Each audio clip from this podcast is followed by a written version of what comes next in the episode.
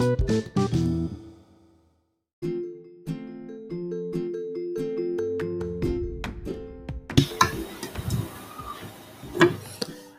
jumpa lagi dengan saya Christian Guswai untuk Retail Guru Podcast. Kali ini saya akan menyampaikan 5 tips bagi retail fashion di krisis COVID-19. Seperti kita ketahui, situasi sekarang di mana di banyak tempat masyarakat diharuskan melakukan karantina di rumah-rumah. Sebagian besar masyarakat dianjurkan untuk tinggal di rumah saja untuk memutus penularan virus COVID-19. Bagaimanakah retail yang menjual produk fashion atau busana? Padahal biasanya menjelang bulan puasa dan menjelang hari raya lebaran Idul Fitri, ini adalah saat yang ditunggu-tunggu para retail yang menjual busana di mana penjualan akan meningkat tajam tiga kali sampai empat kali dari penjualan normal. Tetapi kali ini, apa yang diharapkan barangkali jauh dari kenyataan. Retail yang menjual produk fashion sulit berharap terjadinya penjualan yang bagus. Lalu apa yang harus dilakukan oleh para retail produk fashion? Berikut adalah beberapa tips yang bisa Anda lakukan. Pertama, markdown produk new arrival atau produk baru. Retail harus segera melakukan tindakan promosi terhadap barang-barang baru. Semakin cepat produk terjual, maka akan semakin baik juga Anda mengeluarkan barang Anda. Yang berarti menyelamatkan arus kas Anda. Beberapa retail produk fashion di Eropa yang sedang menanti booming penjualan awal musim semi atau Spring Collection terpaksa membatalkan harapan mereka dengan segera melakukan diskon produk-produk new arrival dengan memberikan diskon 25%. Hal ini jarang sekali dilakukan untuk produk-produk baru karena seharusnya retail akan menikmati margin bagus di awal musim semi. Namun seperti yang saya katakan tadi, di mana sebagian besar masyarakat diharapkan tinggal di rumah, maka penjualan produk fashion sudah pasti tidak terlalu dibutuhkan. 2. Lakukan layanan antar ekstra. Sekarang ini hampir semua retail sepakat bahwa layanan antar akan menjadi solusi di situasi sekarang ini. Lalu bagaimana dengan produk fashion? Apakah berlaku? Apakah tetap menarik? Produk fashion identik dengan kompleksitas produk seperti pilihan warna, ukuran, bahan, pernak-pernik yang lain sehingga mereka menjual produk fashion tidak semudah menjual produk kebutuhan sehari-hari lainnya.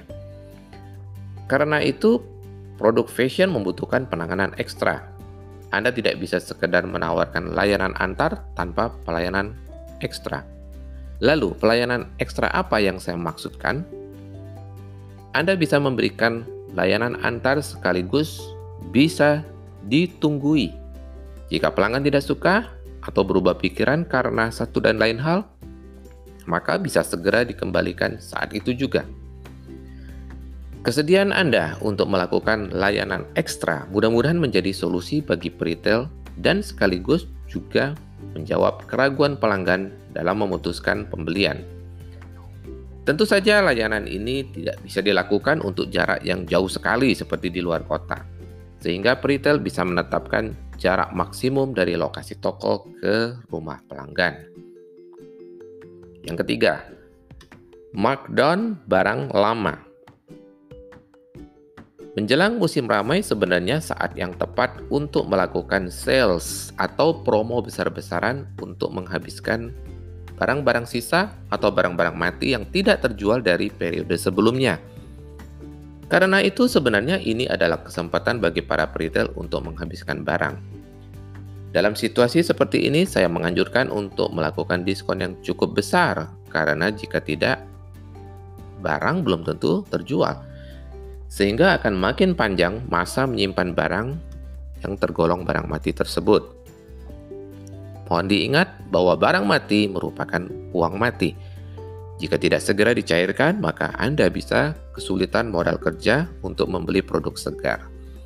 Produk fashion adalah produk yang berganti model atau bentuk, sehingga apabila Anda gagal melakukan penjualan, maka produk bisa menjadi tidak relevan lagi di mata pelanggan Anda.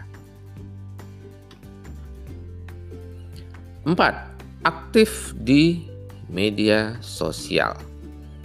Ini tentu relevan bagi Anda yang sudah membangun masa di media sosial Anda. Tetapi bagi mereka yang tadinya mengabaikan mengabaikan kekuatan media sosial, maka saat ini seperti Anda sepertinya Anda tidak bisa berharap banyak dari tips yang satu ini. Penjual produk fashion tidak semudah menjual produk kebutuhan sehari-hari, di mana konsumen sudah tahu bentuk dari barang yang diinginkannya. Sedangkan produk fashion tidak mudah dilihat oleh pelanggan.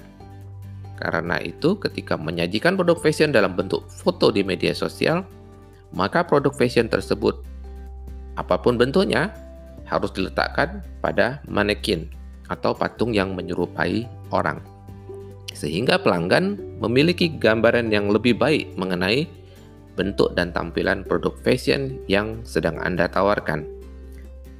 Tentu saja dibutuhkan kemampuan dan estetika ketika mengambil foto yang lumayan baik, sehingga produk yang dipajang di patung terlihat menarik oleh konsumen. 5. Tawarkan produk untuk dipakai di rumah. Meskipun Anda menjual produk fashion, pasti di dalamnya juga menjual produk-produk santai atau produk-produk basic seperti pakaian dalam dan pakaian untuk di rumah. Anda bisa fokus menyodorkan produk pakaian untuk kebutuhan dipakai di dalam rumah atau pakaian santai. Karena meskipun di rumah, tetap saja orang membutuhkan pakaian. Selain itu, bisa juga menyodorkan produk-produk kebutuhan rumah tangga lainnya meskipun Anda menjual produk fashion tidak berarti Anda tidak menjual produk pendukung rumah tangga seperti spray, sarung bantal, handuk, kebutuhan mencuci pakaian, kebutuhan kamar mandi, peralatan dan perlengkapan kebersihan, dan lain-lain. Kehidupan tetap berlangsung. Tinggal di rumah berlama-lama membuat orang bosan sehingga adanya produk baru bisa menjadi hiburan bagi mereka. Demikian beberapa tips yang bisa dilakukan oleh retail yang menjual produk fashion. Semoga di masa-masa seperti ini penjualan Anda tidak jauh dari rencana, namun harus diimbangi dengan kecepatan bertindak.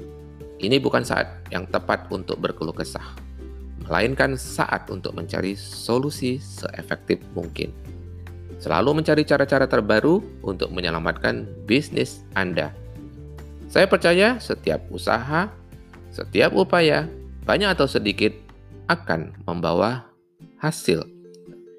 Semoga bermanfaat dan saya berharap Anda semua dalam keadaan sehat dan tetap optimis seperti terhadap kesehatan bisnis Anda. Sampai kita jumpa lagi di episode mendatang. Salam, grow, and prosper.